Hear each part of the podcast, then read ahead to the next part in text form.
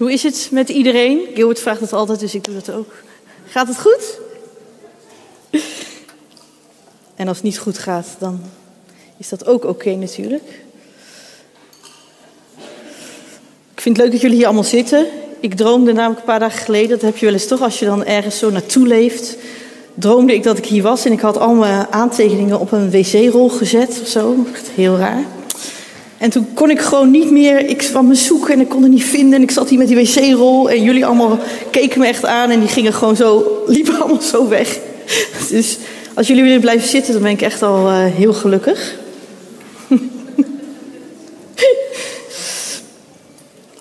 Chris en ik waren laatst onderweg naar een. Uh, mag hij ietsje. Oh nee, hij kan niet hoger. Laat maar, ik moet hier ook niet aan zitten. Chris en ik waren laatst onderweg naar een uitje met knuffelmakers. Hadden een, uh, een afspraak ergens. We wisten niet waar het was. Dus meestal dan uh, pakken we de app erbij. Hè? Iedereen heeft denk ik wel een app waar je de kaart kan lezen waar je naartoe moet. En Caressa die heeft de app Waze. Maar ik, heb ik ben de app kaarten gewend. Ik weet niet, wie van jullie gebruikt de app kaarten? Ja? Team, team app kaarten. En wie gebruikt Waze? Ja, nou, Caressa dus ook, die houdt heel erg van die app. Ik niet. Ik vind die echt vreselijk. Want als je dus de app Waze gebruikt... en je gaat dus even uitzoomen... om te zien naar het overzicht... waar moet je naartoe en welke richting moet je op dan schiet hij meteen weer terug. Dan zie je zo. En dan gaat hij weer gewoon waar je nu rijdt. Nou, dat is echt heel ontzettend irritant voor personen als mij. Die graag overzicht willen zien. Die willen weten hoe de weg een beetje gaat. Uh, waar je aankomt. En vooral of je niet te laat aankomt. Dat iets met uh, controle, zeg maar. En ik denk dat de meeste mensen onder ons, als het gaat over dit leven, ook eerder voor de kaarten-app zullen gaan. Een app waar we overzicht hebben, waar we nu zijn, maar ook waar we naartoe willen gaan, hoe die weg ongeveer verloopt, controle, graag willen weten dat alles goed komt, wanneer het goed komt, maar vooral misschien nog wel of we niet te laat aankomen. Angst dat het te laat is. Mijn titel voor vandaag is Nooit te laat. Wanhopige situaties, zonder uitzicht of overzicht, die kunnen ons tot allerlei sprongen dwingen. En de een maakt daarin wel overwogen keuzes en de ander die gooit zichzelf in de strijd en die grijpt iedere kans aan in hoop op uitkomst. vandaag gaan we het hebben over een vrouw die zo'n wanhopige sprong maakte. Een vrouw die dacht dat het in haar leven te laat was, maar nog één kans zag om aan te grijpen. Een laatste kans. Een vrouw zonder naam die als tussendoortje voorkomt in een ander verhaal over een hele belangrijke man, waar het vooral eigenlijk om draaide. Een man bij wie het zeker te laat leek te zijn. We gaan verder met onze reis door Marcus en we komen vandaag bij het volgende verhaal aan. Willen jullie meelezen? Marcus 5, vers 28, waar staat: Want ze dacht, als ik alleen zijn kleren maar kan aanraken, dan zal ik genezen. Ik denk dat jullie allemaal wel weten over welke vrouw dit gaat. We gaan het vandaag hebben over deze vrouw zonder naam. Een vrouw die het liefst onzichtbaar wilde zijn. Het vooral over de bloedvloeiende vrouw. Dat is hoe we haar noemen al eeuwenlang. Dat is haar naam. En dit verhaal over deze vrouw zonder naam die onzichtbaar wilde blijven, is in eerste instantie niet eens de hoofdpersoon van dit verhaal. Want zelfs in dit verhaal lijkt ze een tussendoortje, een stoorzender zelfs. Laten we teruggaan naar het verhaal waar dit verhaal zich in bevindt. Want Jezus die komt weer terug naar de overkant van het meer. Daar waar de storm op het meer had plaatsgevonden. Waar Jorine het volgende week met ons over gaat hebben. We hebben even omgeruild omdat het wat handiger was. Dus volgende week krijgen jullie dat vooral te goed. Voor de controlfreaks hè, die graag willen weten waar het naartoe gaat.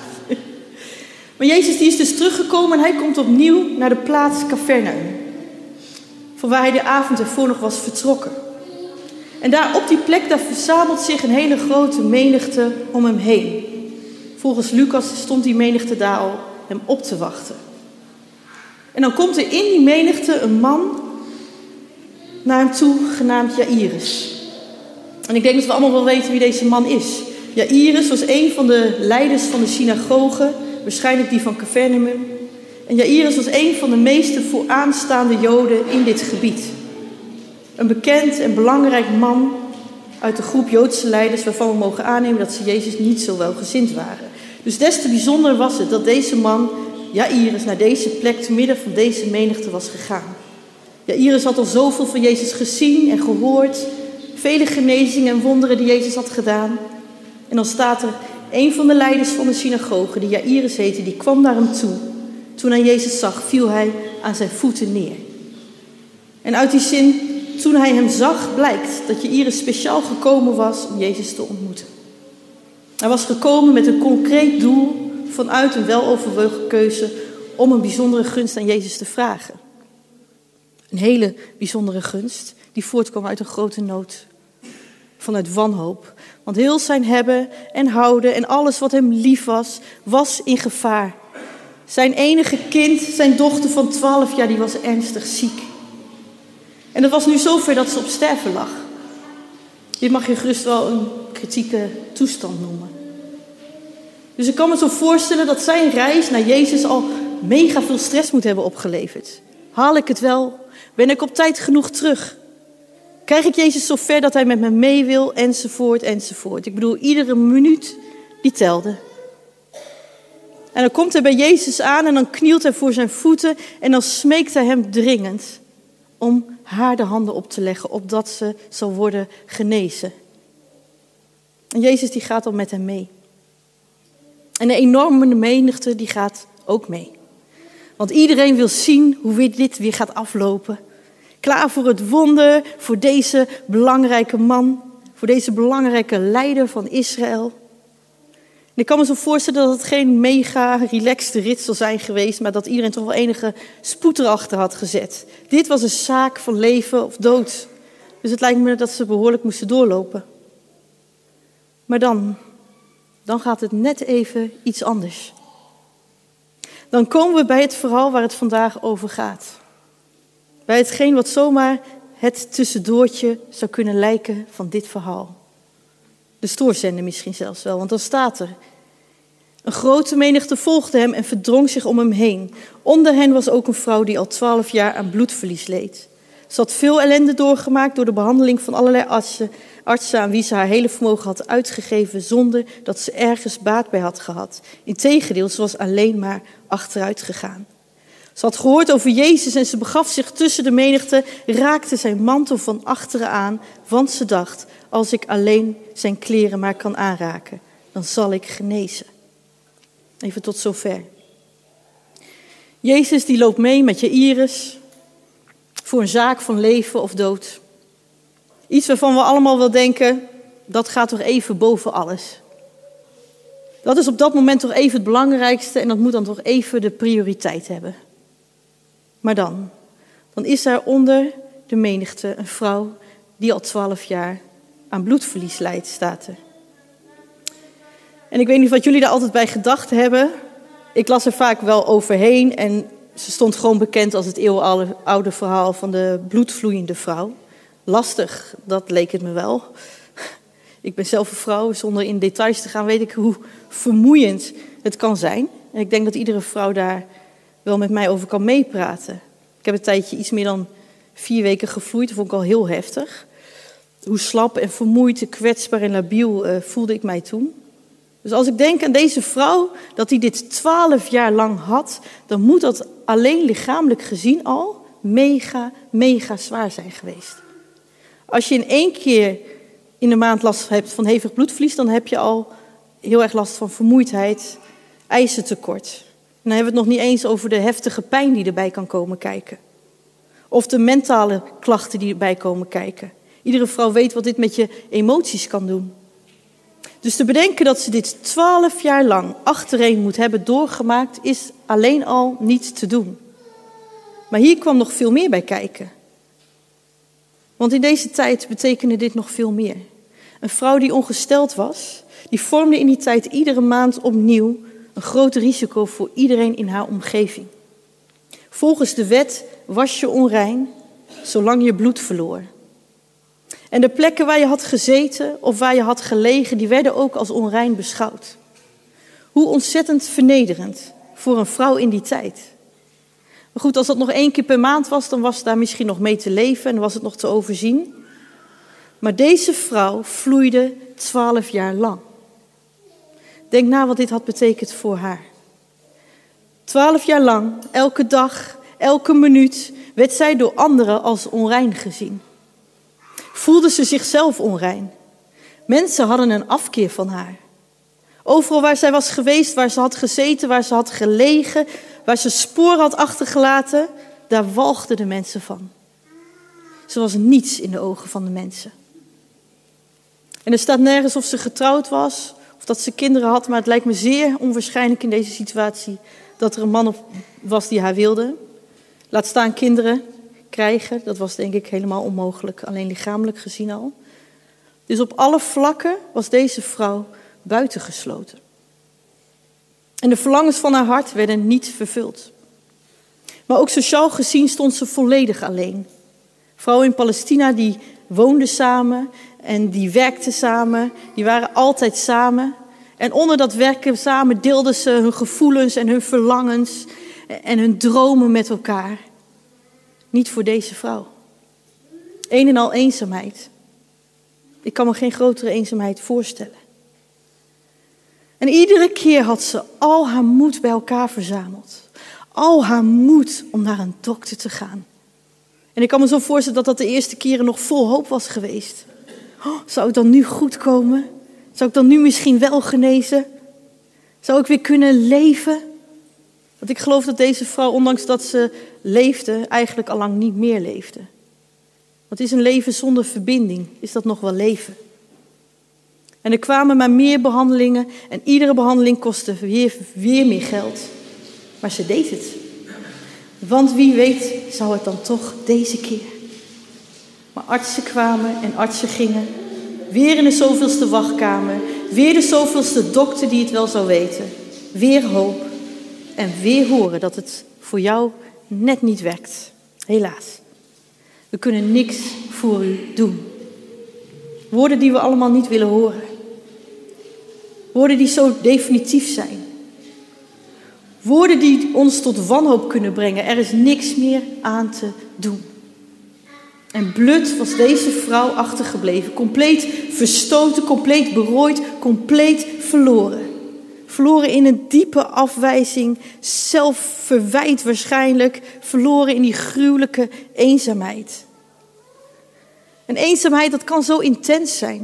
Ik denk dat het een van de ergste dingen is waar we als mens in vastkomen te zitten. Volgens Dirk de Wachter, die zichzelf de verdrietdokter noemt, zit de essentie van geluk in de verbinding die we als mensen met elkaar hebben. Toen God Adam schiep, schiep hij een vrouw naast hem. En dan staat er, het is niet goed dat de mens alleen zijt. Ieder mens heeft verbinding nodig. Ik las een verhaal over konijnen. Wil je een konijn gelukkig maken, dan moet je zorgen dat de konijn een vriendje krijgt waar het mee klikt. Konijnen schijnen dan helemaal open te bloeien en in elkaars gezelschap vormen ze zo'n intense band die wij als mensen niet eens kunnen evenaren. Daarom zie je vaak dat als de een konijn sterft, dat die andere na een tijdje ook gaat. Ze kunnen domweg niet leven zonder verbinding. Wij als mens kunnen niet leven zonder verbinding. Deze vrouw die was eenzaam tot op het bot. Ze had geen schrijntje eigenwaarde meer en aan de grond genageld zat ze daar. Nul vertrouwen meer in de mensheid. Nul vertrouwen meer in mensen die haar dachten te kunnen helpen. En dan, dan hoort ze van ene Jezus. En als wij dit lezen, dan denken we al snel, nou, nu moet ze wel weten. Moet ze wel hoop hebben gepakt, want dit is Jezus. De Jezus die wonderen doet. En natuurlijk had ze de verhalen gehoord over Jezus. Een man die rondging en inderdaad wonderen deed en mensen genas van ziekte. Maar dan nog, wie zei haar dat deze man dan anders was dan de doktoren? Wie kon haar nu de volle 100% zekerheid geven dat deze man nu wel betrouwbaar was? En daarbij had, ze, had hij misschien wel andere mensen genezen. Maar die waren niet zo onrein als haar. Die werden niet verafschuwd door al die mensen om hen heen. Wie zei haar dat deze reine Jezus, Jezus die de Messias werd genoemd, Jezus die de zoon van de Allerhoogste God werd genoemd, haar überhaupt zou willen zien? Als normale mensen haar al niet konden verdragen of luchten of zien, hoe dan zou Jezus, deze Jezus dat wel kunnen?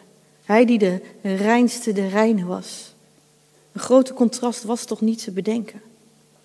En toch, toch besluit deze vrouw, deze vrouw zonder naam, zonder identiteit, zonder een schrijntje eigenwaarde, vol van schaamte, vol van bewustzijn van haar onreinheid, iedere dag weer besloot ze te gaan in deze menigte. En ze moet zichzelf wel vermomd hebben. Ze moet iets hebben gedaan waardoor ze niet opviel, waardoor ze zichzelf zoveel mogelijk kon verschuilen. Een vrouw die het niet eens waard was om voor de dag te komen. Laat staan tussen al die mensen. Maar ze gaat. Moet je je voorstellen wat een groot gevaar en een stap van risico dit moet geweest zijn. Alleen al om in deze menigte te komen. En dan moet je je voorstellen dat het natuurlijk niet uh, de veilige corona-afstand van anderhalf meter is. Maar we weten allemaal dat als je naar een uh, nationale koninklijke feestdag gaat of zo, dat iedereen hutje mutje op elkaar staat en langs elkaar heen aan het schuiven is. Dus dit moet één grote nachtmerrie zijn geweest voor deze vrouw. Wat een angst moet zij hebben gevoeld. Bang om ontdekt te worden. En alsof dat nog niet alles was, had ze dit alles getrotseerd met maar één doel. Eén laatste strohalm. En dat was zijn kleed aanraken. Want ze dacht, als ik alleen zijn kleren maar kan aanraken, dan zal ik genezen. Hebben jullie wel eens beseft hoe bijzonder knap dit is? Na alle teleurstellingen keer op keer, na iedere keer die hoop die de grond ingeslagen was, na iedere keer berooid te zijn en zich al die jaren zo intens onrein gevoeld hebbende, zich afgewezen voelende, zegt ze hier: Als ik alleen zijn kleren kan aanraken, dan zal ik genezen. Wat was dit voor geloof? Wat was dit voor risico? Ik weet niet van jullie, maar vertrouwen in een situatie waar je heel vaak in teleurgesteld bent, dat is zo intens moeilijk. Want het voelt alsof je iedere keer een stuk meer van jezelf verliest. Het kan zo intens veel pijn doen als de wond van je vorige teleurstelling nog niet helemaal genezen is en alweer aan die wond gerommeld wordt en erop ingebeukt wordt. Het is haast niet te doen. En deze vrouw, die waagt het er gewoon op. Deze vrouw zegt hier gewoon, wat ik ook nog te verliezen heb, ik beleid hier dat als ik uw kleed aanraak, ik genezen zal zijn. En het valt me ook op dat ze niet eens voor alles of voor de hoofdprijs gaat. Niet eens, ik wil dan op zijn minst Jezus hand aanraken of zijn lichaam. Want van daaruit gaat toch de meeste kracht, lijkt me. Met die handen heeft hij toch ook andere mensen genezen. Dus zo zou hij het toch bij mij ook moeten doen. En waarschijnlijk voelde ze zich niet eens waard om gelijke hoogte van andere mensen te staan. Waarschijnlijk was dit ook de enige manier voor haar die ze trok of die ze durfde te doen. Al zal ik alleen maar zijn kleren aanraken. Dat zal meer dan genoeg voor mij zijn om mij te redden. Dat beetje van Jezus zal meer en meer dan genoeg zijn om mij te redden. Zal meer en meer dan genoeg zijn om mijn leven compleet op de kop te zetten en te veranderen. Als ik alleen zijn kleren maar aanraak. Wat een vrouw. Wat een moed. Wat een geloof. En er staat ook niet misschien, er staat niet ik hoop dat ik dan misschien wel iets zal voelen. Nee, deze vrouw met alle ballast van teleurstelling in haar leven, die alle deuken die je maar kan verzinnen had opgelopen als het over vertrouwen gaat, die zegt hier, als ik alleen zijn kleed aanraak, dan zal ik genezen. Wat een lef. Vertrouwen in een situatie waarin je alle reden hebt om niet meer te vertrouwen, dat is misschien wel het moedigste wat je kan doen. En deze vrouw die doet het. En als ik me dan zo voorstel, dan zie ik haar trillende hand voor me. Een trillende hand die misschien eerst nauwelijks durft te bewegen. Bewegen tussen een menigte eromheen. Stel je voor dat mensen het zien. Zij de onreine, de verafschuwde. Ze strekt haar hand uit en ze raakt zijn mantel aan. Ze raakt zijn mantel aan gewoon. Deze onreine raakt de reine aan. En op dat moment gebeurt er magie. Hemel en aarde bewegen zich. Want meteen op dat moment hield het bloeden op en merkte ze aan heel haar lichaam dat ze was genezen. En dat is wat er gebeurt als we Jezus aanraken. Als we alleen maar zijn kleed aanraken. Als we ons naar het minste van Jezus uitstrekken, dan ontvangen we alles wat we maar nodig hebben. Ze merkte het meteen. Wat moet er door haar heen gegaan zijn?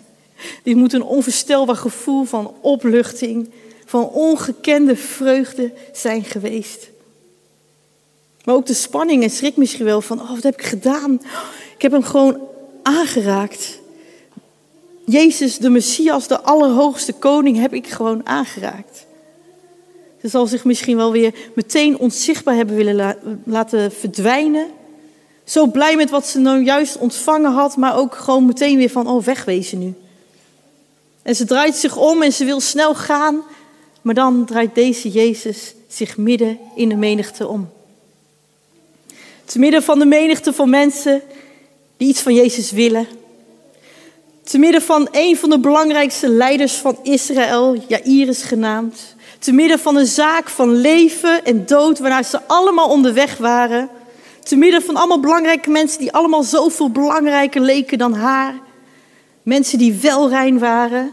Te midden van mensen die haar allemaal altijd hadden verafschuwd. Te midden van mensen in wiens ogen ze altijd niks en vies was geweest. Te midden van die menigte draait Jezus zich om naar haar. Zij, de vrouw zonder naam. Die vrouw die onzichtbaar wilde blijven.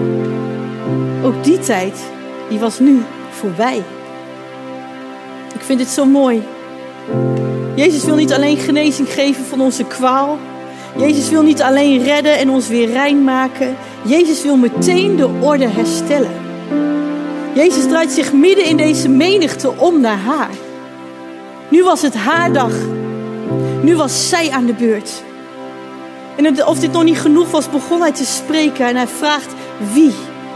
Wie heeft mij aangeraakt? Hij wilde haar zien. Hij wilde haar horen. Hij wilde dat zij tevoorschijn kwam. Hij wilde haar een plek geven die ze nog nooit had gekend. En op dat moment dan moest ze wel komen. En op dat moment moest ze tevoorschijn komen. En stapje voor stapje komt ze dan dichterbij.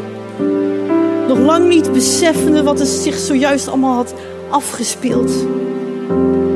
Ze komt stapje voor stapje met trillende benen in het licht. Daar waar ze altijd in de duisternis van eenzaamheid had geleefd, roept Jezus haar in het licht. Hij roept haar tevoorschijn. En ze komt naar hem toe en dan kan ze niet anders dan voor hem neervallen.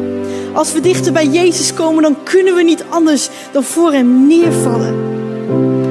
En dan vertelt ze hem de hele waarheid, staat er. En het kan haast niet anders dat deze vrouw, die in al geen jaren meer tegen mensen had gepraat, nu alleen nog maar kan huilen. Omdat er iemand is die naar haar wil luisteren. Die haar wil horen. Die haar verhaal wil horen. Bij wie ze mag zijn. Wat moet ze gehuild hebben? Misschien wist ze wel niet eens meer hoe haar eigen stem klonk. Misschien wist ze wel niet meer wat huilen was. Ze gooit alle pijn van alle jaren voor zijn voeten. Omdat ook die zo een plek verdiende. En dan spreekt hij de woorden: Uw geloof heeft u gered, mijn dochter. Ga in vrede, want u bent van uw kwal genezen. Hij had haar niet alleen genezen, hij had haar niet alleen gered, hij had haar weer de plek gegeven die ze zo verdiend had. Tevoorschijn in het licht, ten aanzien van iedereen om haar heen. Hij had haar de waarde teruggegeven om weer te zijn, namelijk zijn dochter. Hij noemde haar zijn dochter. De hoogste titel die ze ooit heeft gekregen. De vrouw zonder naam wordt hier te midden van iedereen zijn dochter genoemd. De onreine wordt hier door de reine zijn dochter genoemd. Beter kan het niet worden, toch? En dan zegt hij: Ga in vrede. Ook niet zomaar loze woorden, want deze vrouw wist waarschijnlijk niet eens wat vrede was. Maar hij zegt nu tegen haar: Ga in vrede. De wereld op zijn kop voor deze vrouw. Wat een ongelooflijk indrukwekkend verhaal. Laat staan voor een tussendoortje in een verhaal. Want zoals ik al aangaf aan het begin, was dit verhaal nog niet helemaal af. Want er was nog die belangrijke leider Jairus. Wat moet er door hem heen zijn gegaan, door deze situatie heen? Ik bedoel, ze hadden al redelijk haast. Ze moesten al met de hele menigte nog een heel stuk. Ze moesten al met de hele menigte naar dat belangrijke, naar die belangrijke zaak van leven op dood. Iedere minuut moet geteld hebben. Als het leven van je kind op het spel staat, dan, en dat is ook nog je enige kind, dan krijg je heel veel paniek en stress. Het was voor hem ook een risico geweest om Jezus te gaan opzoeken. Wat een risico om überhaupt te kunnen vinden door die menigte heen. En dan maar niet te hopen. Dan maar te hopen dat je er gewoon niet te laat bent. En Jezus die was al met hem meegegaan, hè? Dus hij had al heel veel hoop gekregen daarvan. Jezus ging mee. Jezus vond hem belangrijk genoeg om zijn verzoek in te gaan en naar zijn dochter te gaan. En dan gebeurt dit ineens zomaar tussendoor. Daar is toch absoluut geen tijd voor. En deze vrouw, heel leuk en aardig dat zij genezen was en gered. Maar hij dan en zijn dochtertje? Was het ineens niet meer zo relevant voor Jezus? Was zijn belofte om mee te gaan nu ingetrokken? Waar was hij eigenlijk op aan het wachten? En iedere minuut die voorbij ging, die was een minuut te veel. En ik kan me voorstellen dat hij wilde zeggen tegen Jezus: hé, hey, wacht even. Dit met deze vrouw, dat is misschien echt heel mooi en belangrijk allemaal. Maar zullen we eerst even voor de prioriteiten gaan? Even weer die focus, Jezus. Die vrouw die is er straks waarschijnlijk ook nog wel. Zij gaat ook nog niet dood. Mijn dochtertje zal misschien wel, als u niet heel snel nu opschiet en met me meegaat. Bang dat het te laat is. Bang dat alles totaal uit de hand loopt. Bang te verliezen wat hem het meest dierbaar is. Dan moeten wachten, niet wetende wat er gebeurt. Kennen we dat soort situaties? Wachtende, niet wetende waar het heen gaat, nul controle, zoals ik het al had over die stomme Waze-app. Geen overzicht. Alleen zien waar je nu staat, maar geen idee waar je naartoe gaat. Bang dat het te laat gaat zijn. Bang dat alles dan stuk is. En ondertussen zie je dat Jezus naast je bezig is om iemand anders te genezen. En dat hij haar wel geeft wat ze nodig heeft. En zoals in dit verhaal een vrouw genezen worden die niet eens aan het doodgaan was. Hoe oneerlijk kan dat voelen? En Jezus heeft je al lang beloofd om met je mee te gaan. En je bent al onderweg naar die hoop, naar die genezing, naar die uitkomst. Maar dan duurt het ineens. En dan moet je wachten. Wat een angst, wat een onzekerheid kan dat oproepen. Bang voor dat ene nieuws. Dat nieuws wat werkelijk je hele leven kan ruïneren en alles van je kan afpakken wat je dierbaar is. De spanning en die stress die moeten ongekend zijn geweest. En dan komen er mensen aanlopen met nieuws voor je Iris. Precies dat nieuws wat zijn grootste nachtmerrie is.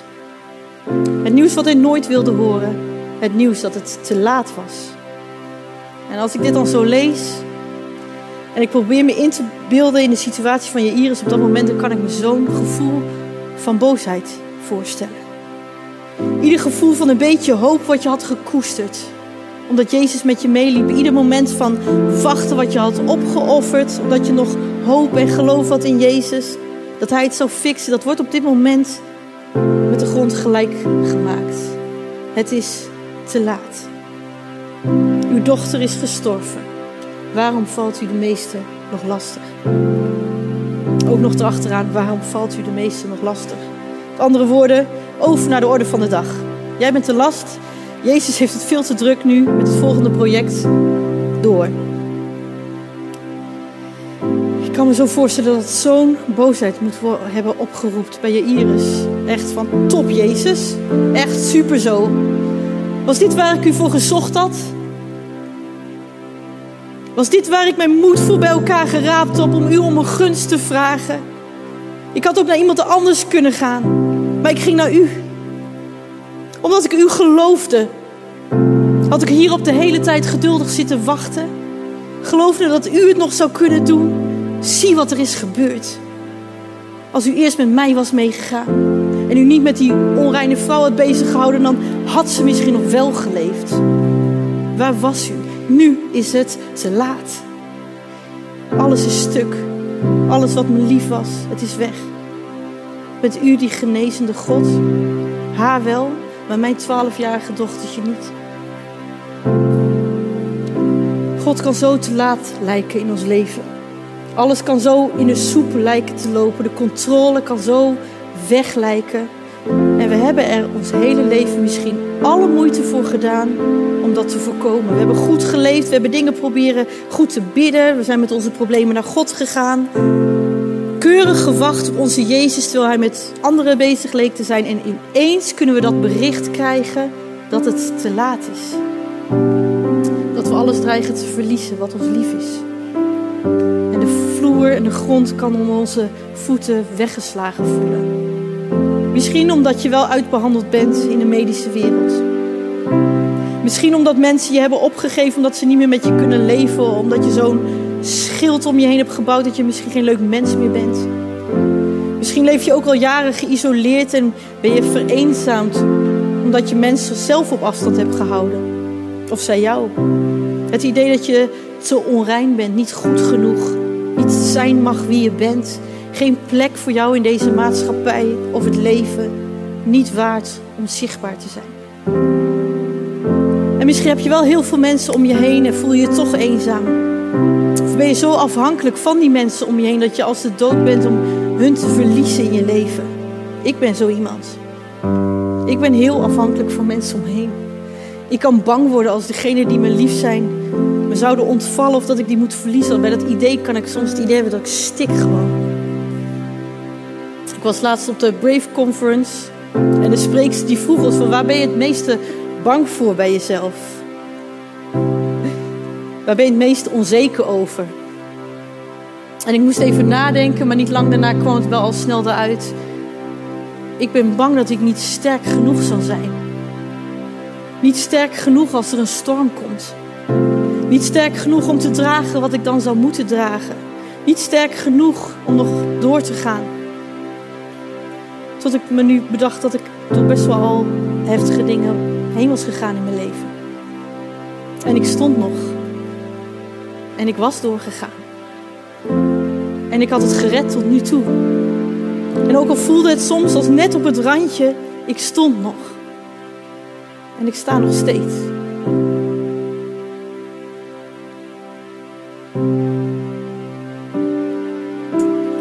niet omdat ik zelf sterk of slap zou zijn, maar omdat Hij die in mij is zoveel sterker is dan die in de wereld is.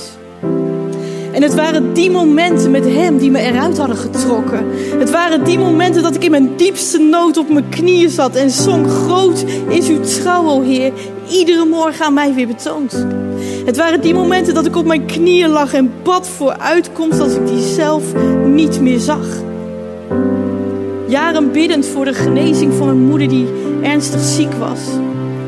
Biddend voor mijn zus voor een groot stil verdriet in haar leven.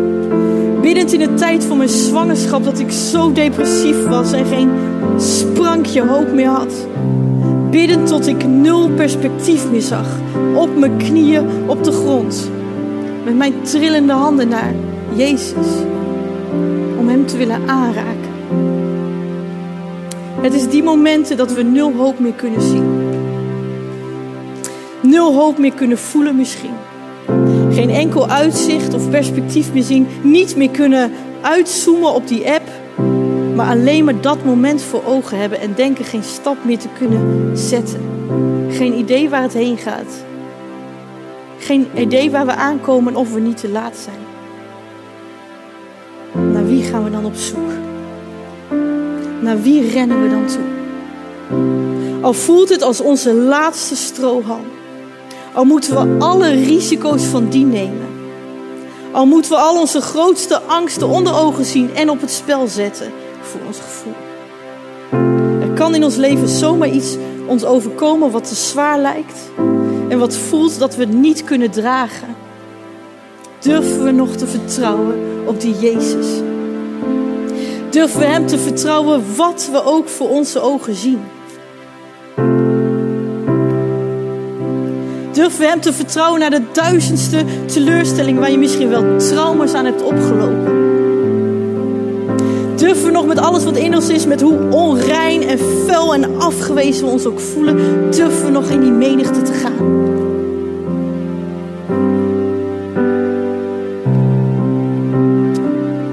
Durven we alles op het spel te zetten en de reine aan te raken?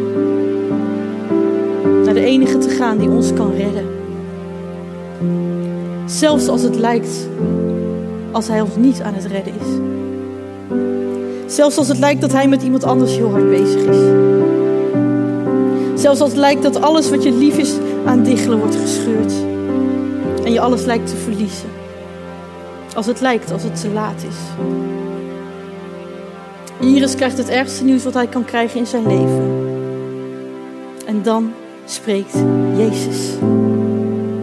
En dan spreekt Jezus. Als Jezus spreekt, dan verandert alles.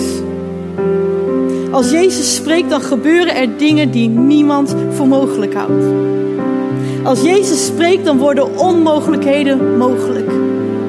Als Jezus spreekt, dan komt er een weg waar eerst geen weg was. Als Jezus spreekt, dan wordt alles wat dood is levend. Jezus spreekt, spreekt Jezus. Onderschat dat niet. Want deze Jezus heeft altijd en altijd en altijd het laatste woord. En waar mensen ons met angst willen opjagen, waar de duivel ons bang wil maken met leugens dat het niet goed komt, dat het te laat is, dan zegt Jezus vandaag: wees niet bang, maar blijf geloven.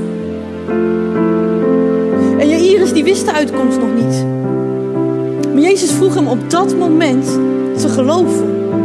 En niet alleen te geloven wat hij zag, of beter gezegd wat hij nog niet zag, maar te geloven in die Jezus die zei: Wees niet bang. Mag ik eerlijk tegen jullie zijn? Ik vind het weer moeilijk. Maar ik geloof dat God het van ons vraagt. Voor mij vraagt. Blijf geloven ook als je de uitkomst zoals jij hoopt nog niet ziet. Blijf geloven omdat Hij zegt: wees niet bang. Als Hij zegt dat wij niet bang hoeven te zijn, dan betekent het dus dat we nul reden hebben om bang te zijn.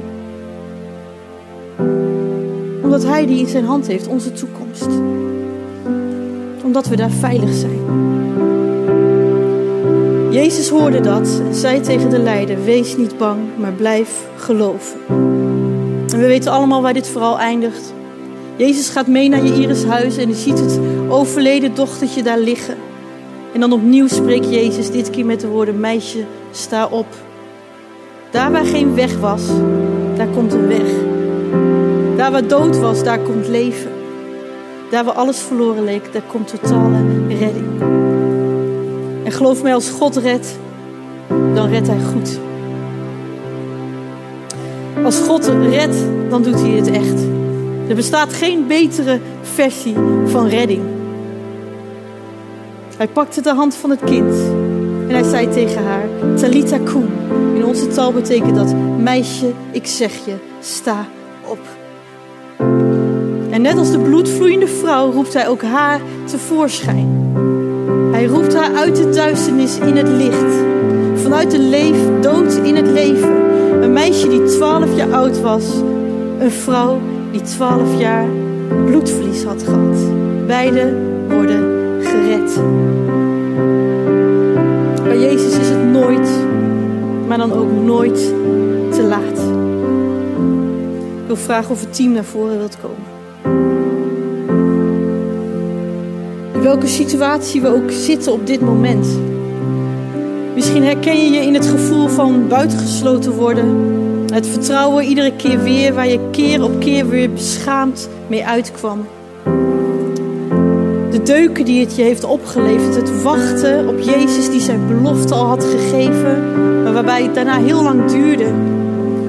En je heel lang moest of nog steeds moet wachten. Niet wetende of het te laat is. Misschien heb je wel een heel groot verlies. Is je een groot verlies overkomen?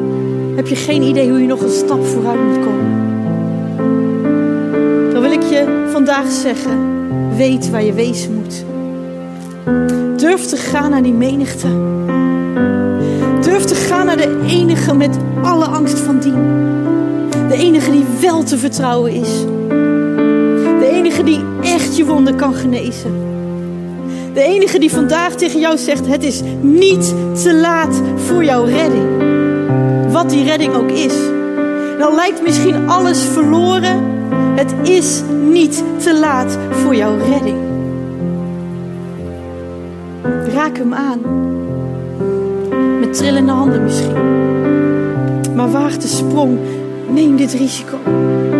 Want je zult niet beschaamd uitkomen. Geloof de God die vandaag tegen jou zegt: wees niet bang. Ik heb alles overwonnen. Niet een beetje, niet half. Ik heb alles overwonnen.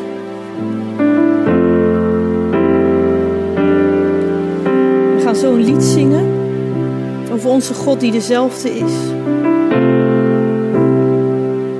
En het is misschien iets heel stoms. Ik, ik ben niet echt iemand van een oproep of zo. En ik weet dat er ook genoeg mensen zijn die daar echt uh, allergisch voor zijn. Dus ik ga jou niks vragen. Ik ga alleen zelf hier zo meteen zitten. Want ik wil mij overgeven aan een God die wonderen doet. Die te vertrouwen is. En we gaan natuurlijk een tijd van vasten in de komende periode. En of je nou liever gewoon lekker op je plek blijft zitten, dat het tussen jou en God is, of dat je gezellig naast me wil komen zitten. Maar laten we alles wat ons bezighoudt, met onze angsten, met onze pijn, met onze verlangens, onze nood, laten we dat bij God brengen vandaag.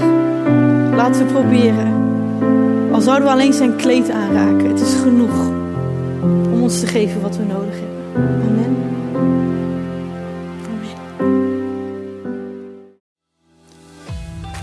Hey Gilbert hier, bedankt dat je hebt geluisterd naar de podcast van Reconnect Community Church. Ik hoop en bid dat je er niet alleen door bent bemoedigd of geïnspireerd, maar dat deze uitzending jou ook weer meer heeft mogen wijzen naar Jezus en zijn liefde, genade en trouw voor jou en voor mij. En als jij, net als wij, ook enthousiast bent over deze podcast, dan kan je ons helpen door je te abonneren op ons kanaal en deze overdenking te delen met vrienden en bekenden. Mocht je ons ook financieel willen ondersteunen, dan kan dat via reconnect.cc/geven. Je helpt ons dan om dit te blijven doen, zodat wij mede dankzij jouw steun mensen kunnen blijven bereiken met het goede nieuws van Jezus. Bedankt voor je betrokkenheid en je support.